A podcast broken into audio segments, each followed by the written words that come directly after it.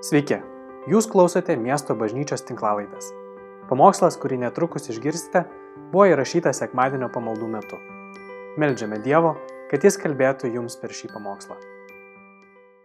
Mes tęsiam ir užbaiginėjom šiandien pamokslų ciklą, kurį pavadinom Gera žinia neramiam pasauliui.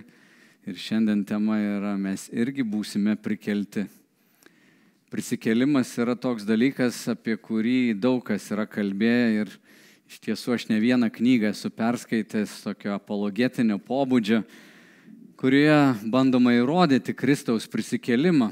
Ir žinoma, mokslas, kuris yra paremtas stebėjimu, pasikartojimu, negali niekaip patikrinti prisikėlimų. Net ir istorikai, žvelgdami istoriją, gali pažiūrėti, istorija dažnai yra nekartojama. Mm, Žalgerio mūšis įvyko vieną kartą ir jis antrą kartą nebeįvyks, nes sąlygos keičiasi.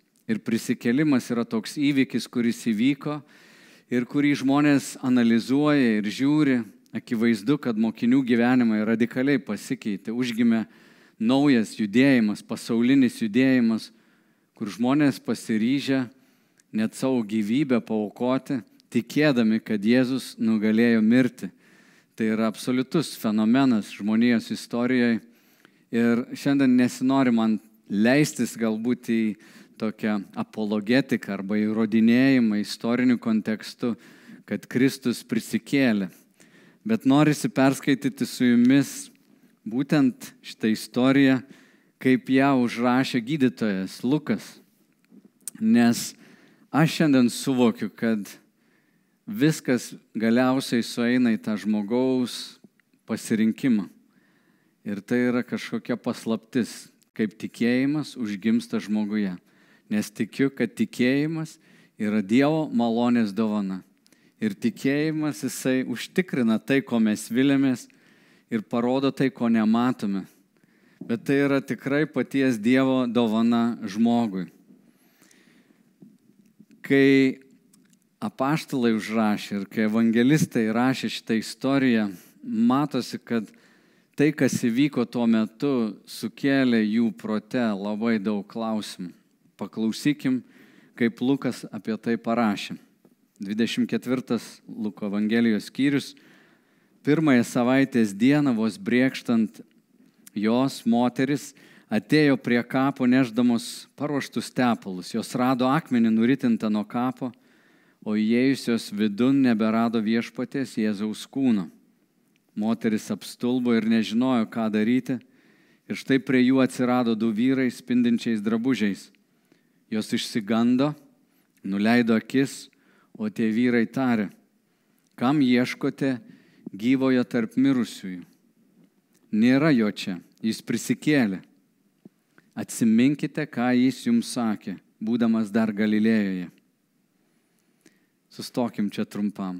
Moteris ateina, atsinešusios kvepalus, nes žydai jie laidodavo vienam kape kartais ir keli žmonės, juos suviniodavo į tokią maršką, ištepdavo kvepalais, kad kai kūnas pradeda irti, jisai nesmirdėtų ir galbūt prireikus atnešti kitą kūną, kad žmonės nu, nejausų to blogo kvapo, galiausiai, kai kūnas suyra, tuos kaulus surinkdavo, juos sulankstydavo, padėdavo ir taip keli žmonės būdavo tam kape.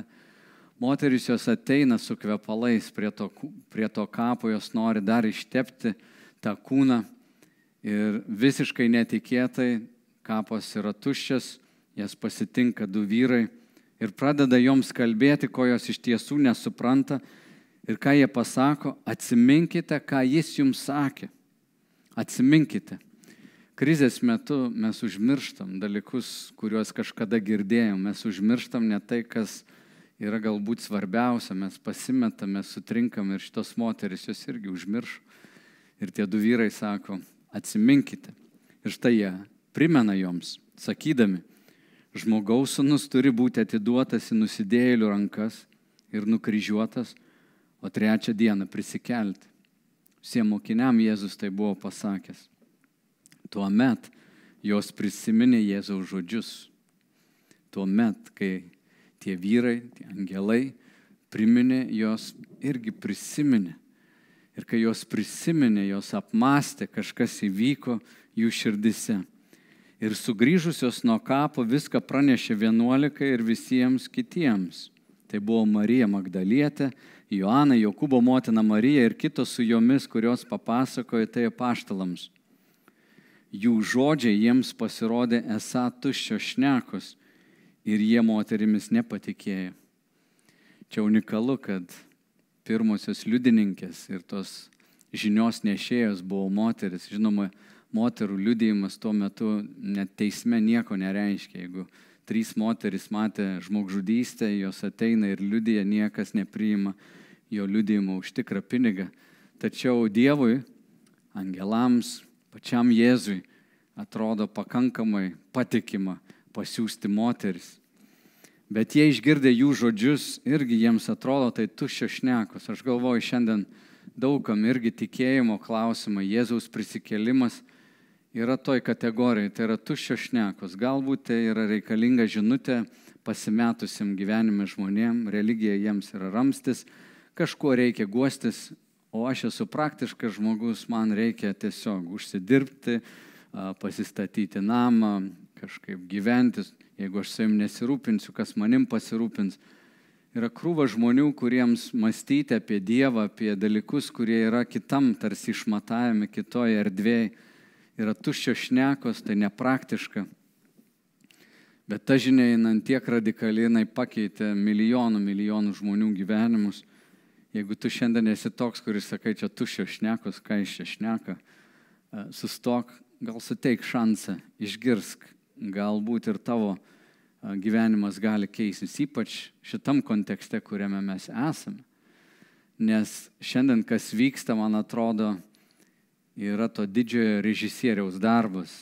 Aš kai žiūriu, kaip pasaulis sureagavo į šitą virusą ir kokios yra vyriausybių, valstybių reakcijos, aš esu šokė. Man atrodo, kad tokia baime ir toks pasimetimas ir tokia panika ir toks vienas su kitu nebesiskaitimas ir kai šalis perperka ten kaukės ir kitą įrangą už brangesnę kainą ir solidarumas ištirpo kaip kaip pavasario sniegas koks, atrodo, wow, ta reakcija, jinai primena man biblinės istorijas, kai Dievas pasėdavo kažkokį samišį priešo teritorijoje arba stovykloje ir jie vienas kitus įžudydavo ir Izraelis būdavo išgelbėtas. Ir šiandien žvelgiu ir galvoju, ką Dievas yra sugalvojęs šiam laikui. Jis sudrebina tai, kas atrodė nesudrebinama. Visi atrodo laukia kažkokios krizės, bet negalvom įsivaizduoti, kad tai bus kaip šį savaitgalį, kad net į parką nebegalime išeiti. Ir galbūt kažkam, kas, kam religija atrodė kaip tuščia šneko, šiandien tavo pamatai sudrebėjo ir kas gali blogiausiai vykti nuo to viruso, tu gali numirti. O kad tu numirsi, kad aš numirsiu, tai yra taip akivaizdu. Šekspyras berots pasakė, mirtis yra vienas tikriausių dalykų šitam pasaulyje, tik kiekvieną kartą ištikus mirti, kai artimas žmogus išeina, mes nustembam tarsi čia kažkas keisto įvyko. Bet manau, mums labai verta pagalvoti apie mirtį ir šiandien tai, ką sakau, yra žinia pilna vilties, kad mirtis tikrai nėra pabaiga. Mokiniai, jie paklausė moterų, kad Jėzus prisikėlė ir jiem atrodo čia tuščia. Vis dėlto Petras, pakilęs, nubėgo prie kapo ir pasilenkęs pamatė tik tai drobulės Jis grįžo atgal labai stebėdamasis tuo, kas atsitiko. Štai kita istorija. Ir štai du iš jų tą pačią dieną keliavo į kaimą už 60 stadijų nuo Jeruzalės, vadinamą Mausu. Jie kalbėjosi apie visus tuos įvykius. Jiems tai besikalbant, besvarstant, prisertino pats Jėzus ir ėjo kartu. Jų akis buvo uždengtos ir jie jo net pažino. Ar gali būti tokia būsena, kad žmogus bendrauja su kažkuo, jo akis yra uždengtos? Kas uždengia tas akis? Dėmesys yra nu, nukreiptas kažkur kitur. Tų mokinių dėmesys akivaizdžiai yra giliam nusivylimė, jų viešpats, jų mokytojas, galbūt mesijas jie tikėjo, yra nukryžiuotas, palaidotas, mirė.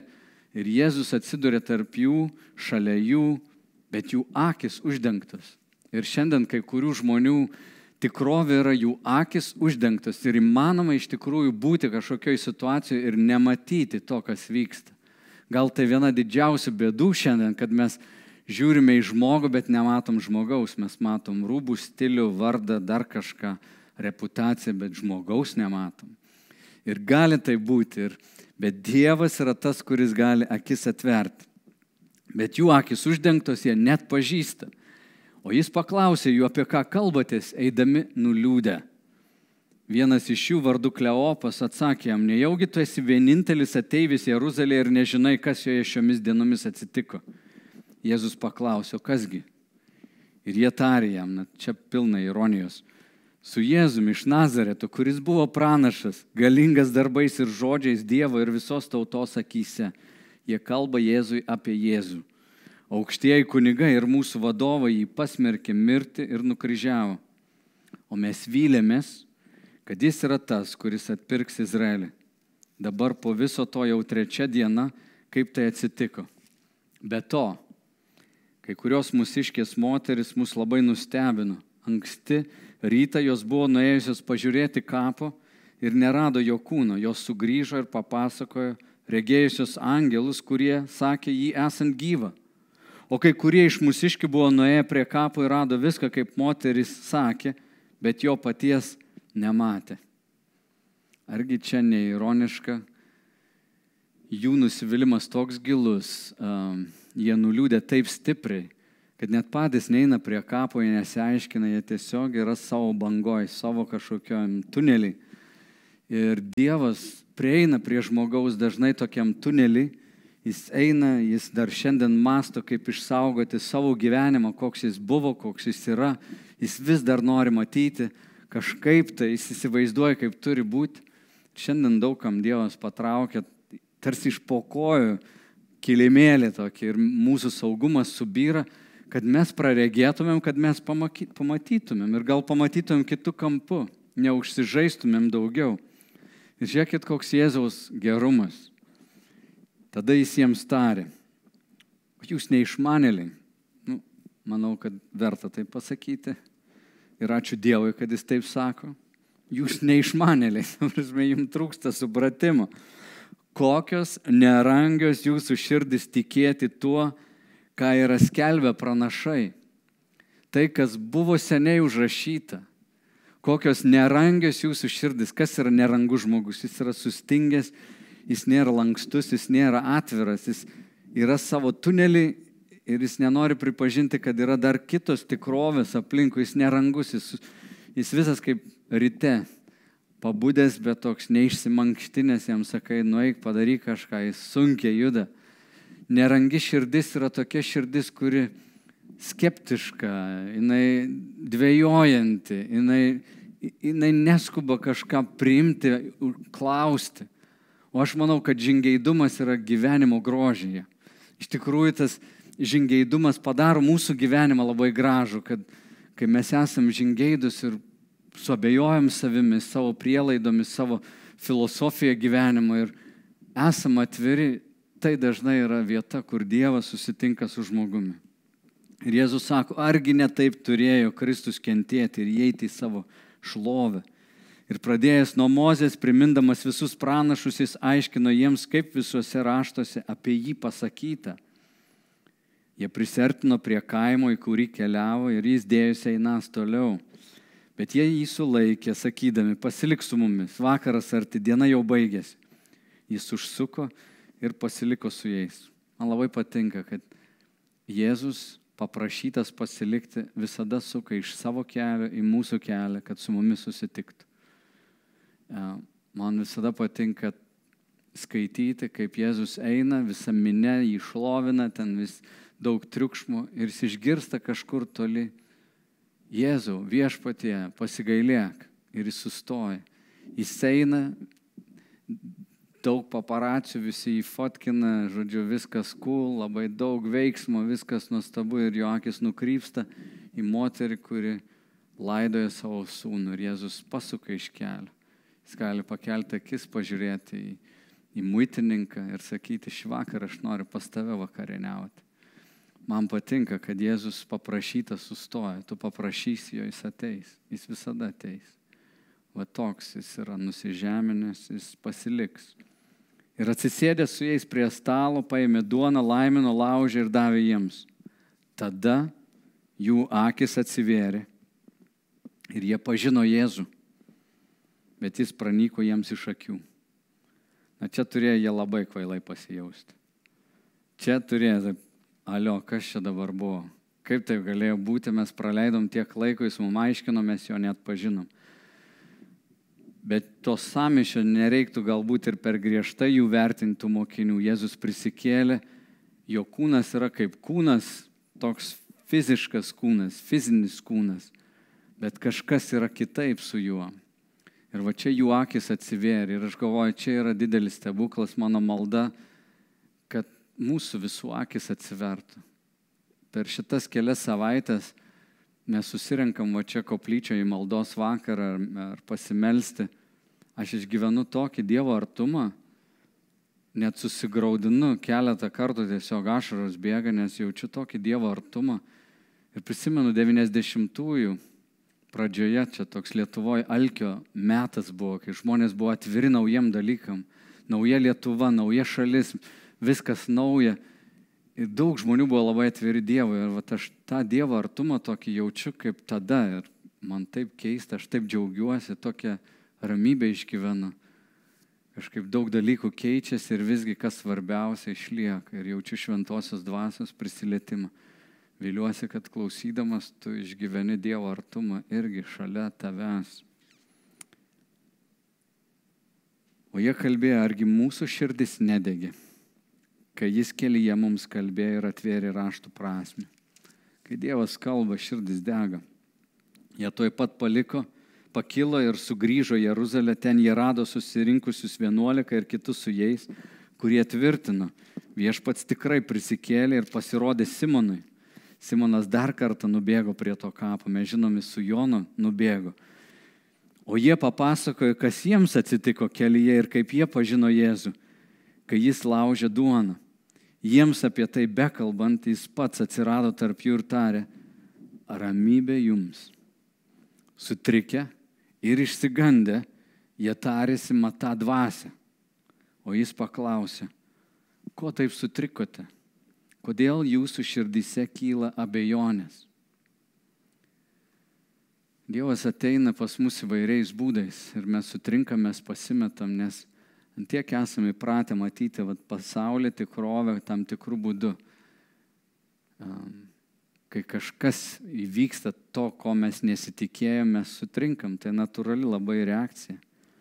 Bet Jėzus klausė jų, kodėl jūsų širdyse kyla bejonės. Jis žino kodėl, bet mokiniai nebuvo įsigilinę į tas tiesas, kad jis mirs, bus palaidotas ir trečią dieną prisikels. Pranašų visi mokymai jiems kažkur išlėkė, jie tiesiog vėlgi sutrikė, ne čia jau pasirodžius jam, jie pasimeta tokiam va Dievo priartėjimui.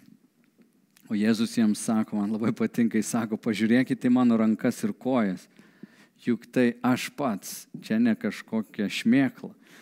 Palieskite mane ir įsitikinsite, dvasia juk neturi nei kūno, nei kaulų, kaip matote mane turint. Tai tarės jis parodė jiems rankas ir kojas. Tada vat, jiems iš džiaugsmo vis dar netekint ir stebintis Jėzus paklausė, ar turite čia ko nors valgyti. Tai irgi fantastiška. Jėzus sako, duokit ką nors pavalgyti, nusiraminsit patys ir, ir aš galėsiu su jumis ramiai pabūti. Jie padavė jam gabalą keptos žuvies ir kori medaus. keistas derinys, bet gal jie irgi pasimetė, davė žuvies ir medaus. E, jis paėmė ir valgė jų akise. Paskui Jėzus jiems tarė, ar netokie buvo mano žodžiai, kuriuos jums kalbėjau dar būdamas su jumis. Turi išsipildyti visą, kas parašyta apie mane Mozės įstatymė pranašuose ir psalmėse. Tada jis atvėrė jiems protą, kad jie suprastų raštus. Tada jis atvėrė jiems protą. Dieve būk maloningas kiekvienam, kuris abejoja, yra sutrikęs, pasimetęs, kad mūsų protas būtų atvertas, kad tai, kas įvyko tame prisikelime ir šiandien apsigyventų mūsų širdyse, nes mes esam toj tarpiniai stoteliai. Jėzus jiems pasakė, parašyta, kad Kristus kenties ir trečią dieną prisikels iš numirusių. Ir pradedant nuo Jeruzalės, jo vardu visoms tautoms bus skelbiama atgaila ir nuodėmė atleidimas. Jūs esate šių dalykų liudytojai. Ir štai, aš atsiųsiu jums savo tėvo pažadą, jūs pasilikite, jūs pasilikite Jeruzalės mieste, kol būsite apgaubti jėga iš aukštybių. Jėzus nusivedė juos iki Betanijos ir iškėlęs rankas palaimino juos. Laimindamas jis atsiskyrė nuo jų ir buvo paimtas į dangų. Jie pagarbino jį ir didelio džiaugsmo kupini sugrįžo į Jeruzalę. Jie nuolat buvo šventykloje ir šlovino bei laimino Dievą. Amen. Čia yra Luko Evangelijos pabaiga. Jėzus sako, jūs esate liudininkai. Tie pirmieji liudininkai buvo sutrikę, pasimetę, išsigandę, nuliūdę. Šiandien jų liudijimas iki mūsų atkeliavo. Ir man taip norėtųsi, kad šiandien šventoji dvasia taip giliai rieštų į mūsų širdis tą žodį, nes mes dabar skaitom apie tai, kas buvo, bet jau yra parašyta apie tai, kas bus. Ir kai aš sutinku tokį tipišką krikščionį Lietuvoje, ir mano giminiai net yra žmonių, kurie sako, nu ką aš čia žinau su to prisikėlimu, nu Niekas iš ten negryžo. Nie... Ir jiems Biblija, šventas raštas, pranašai yra va tokioj kategorijai. Būtų faina, jeigu kažkas praktiškai čia vyktų, bet ten, kas ten žino, kas ten bus, kur ten kas. Ir taip nesinorėtų, kad tu būtum pasimetęs, kai jis sugrįž, e, kai jis ateis. Bet Jėzus sako, laukit, neišsigaskit, laukit, būdėkit. Ir kaip krikščionis mes esam raginami laukti. Jeigu tu šiandien netiki prisikėlimu, kad jis ateis gyvųjų ir mirusiųjų teisti, kad jis prikels savo bažnyčią, tai tušęs tavo tikėjimas. Aš nežinau, kas tu esi. Tu vadiniesi krikščionim, bet tu esi toli nuo, nuo, nuo Dievo. Tu toli nuo Dievo. Krikščionio pagrindas ir yra ne gražus Jėzaus pamokymai, moraliniai kažkokie patarimai. Visa mūsų tikėjimo esmė yra jo prisikėlimas, kad jis prisikėlė ir tai, ką jis sakė, yra tiesa. Užbaigsiu apaštalo Pauliaus žodžiais iš laiško korintiečiams. Jis taip sako. Ir jei vien tik šiame gyvenime mes vilėmės Kristumi, tai mes esam labiausiai apgailėtini iš visų žmonių. Krikščionis, kuris šiandien galvoja, kad Jėzaus prisikėlimas tai kaip pasaka kokia ir nežino, kad vieną dieną žmonės bus prikelti, yra apgailėtinas. Be reikalo vaikštai tą bažnyčią, be reikalo tu ten pinigėlius aukoji, be reikalo tu ten varginės, be reikalo. Tavo tikėjimas tuščias. Tikras tikėjimas yra pastatytas ant Kristaus prisikėlusio, kuris šiandien mūsų aplanko, prieina, mūsų nuodėmių atleidimas stovi ant jo mirties ir prisikėlimo. Jo auka ir buvo tam, kad mes nebebūtum nuteisti. Jis tam ir atėjo, kad mirtų ir būtų prikeltas Dievo jėga. Čia yra visas centras, visa šaknis mūsų tikėjimo. Ir jeigu tu tiki, tai tik tais kažkaip teoriškai, bet nepatyrai dar prisikėlimo jėgos, tu esi apgailėtinas žmogus tai ateistas yra laimingesnis už tave, nes jis nesiva, nesivargina galbūt ir tikrai neturi to tokio vadinamo kognityvinio disonanso, kad tik vienu, bet gyveni kažkuo kitu. Bet jeigu tu patikėjai, jeigu Kristus prisilietė prie tavęs palaimintas, tu palaiminti mes, ta viltimi, kad vieną dieną jis ir mus prikels, ir mūsų kūnai, šitas mano kūnas, irgi bus prikeltas. Aš nežinau, kaip tai vyks bet man tikėjimas užtikrina tai, kuo aš viliuosi, parodo tai, ko aš dar nematau. Bet aš noriu būti tas tikinti žmogus, kuris nebus visiškai gal pasimetęs. Aš manau, būsiu sutrikęs, kai jis ateis, jeigu aš būsiu dar gyvas jam ateinant. Bet aš noriu būti pilnas tikėjimo raginu tave būti tikinčiu. Ir noriu ištarti ir palaiminimą, ir tokį paraginimą tave įleisti savo širdį į Dievo žodį ir kad Dievo žodis įsėstų į tavo širdį, kad mes būtumėm žmonės pilni tikėjimo ir galėtumėm kitiem liudyti. Jeigu Dievas duos malonę kažkam pamatyti ir praregėti, tai ačiū Dievui. čia jau yra jo darbas. Viešpatie, palaimink mus savo artumu, palaimink kiekvienus namus, kuriuose yra skelbiamas šitas žodis. Palaimink viešpatie mūsų širdis, kad mes būtume pilni tikėjimo ir lauktumėm kaip ištikimi tavo vaikai, kad nebūtumėm tuštybės apimti, nebūtumėm išsigandę, kai dreba tai, kas turi sudrebėti. Mes priimam viešpatie tavo malonės ir dėkojam, kad tu dėl mūsų mirei ir prisikėlei ir kad tavo žinia eina per visą pasaulį, į visas tautas, kad visi, kurie šauksis viešpaties vardo, būtų išgelbėti. Amen. Ačiū, kad klausėte. Daugiau informacijos apie miesto bažnyčią rasite internete www.m-b.lt arba Facebook, Instagram bei YouTube paskiruose.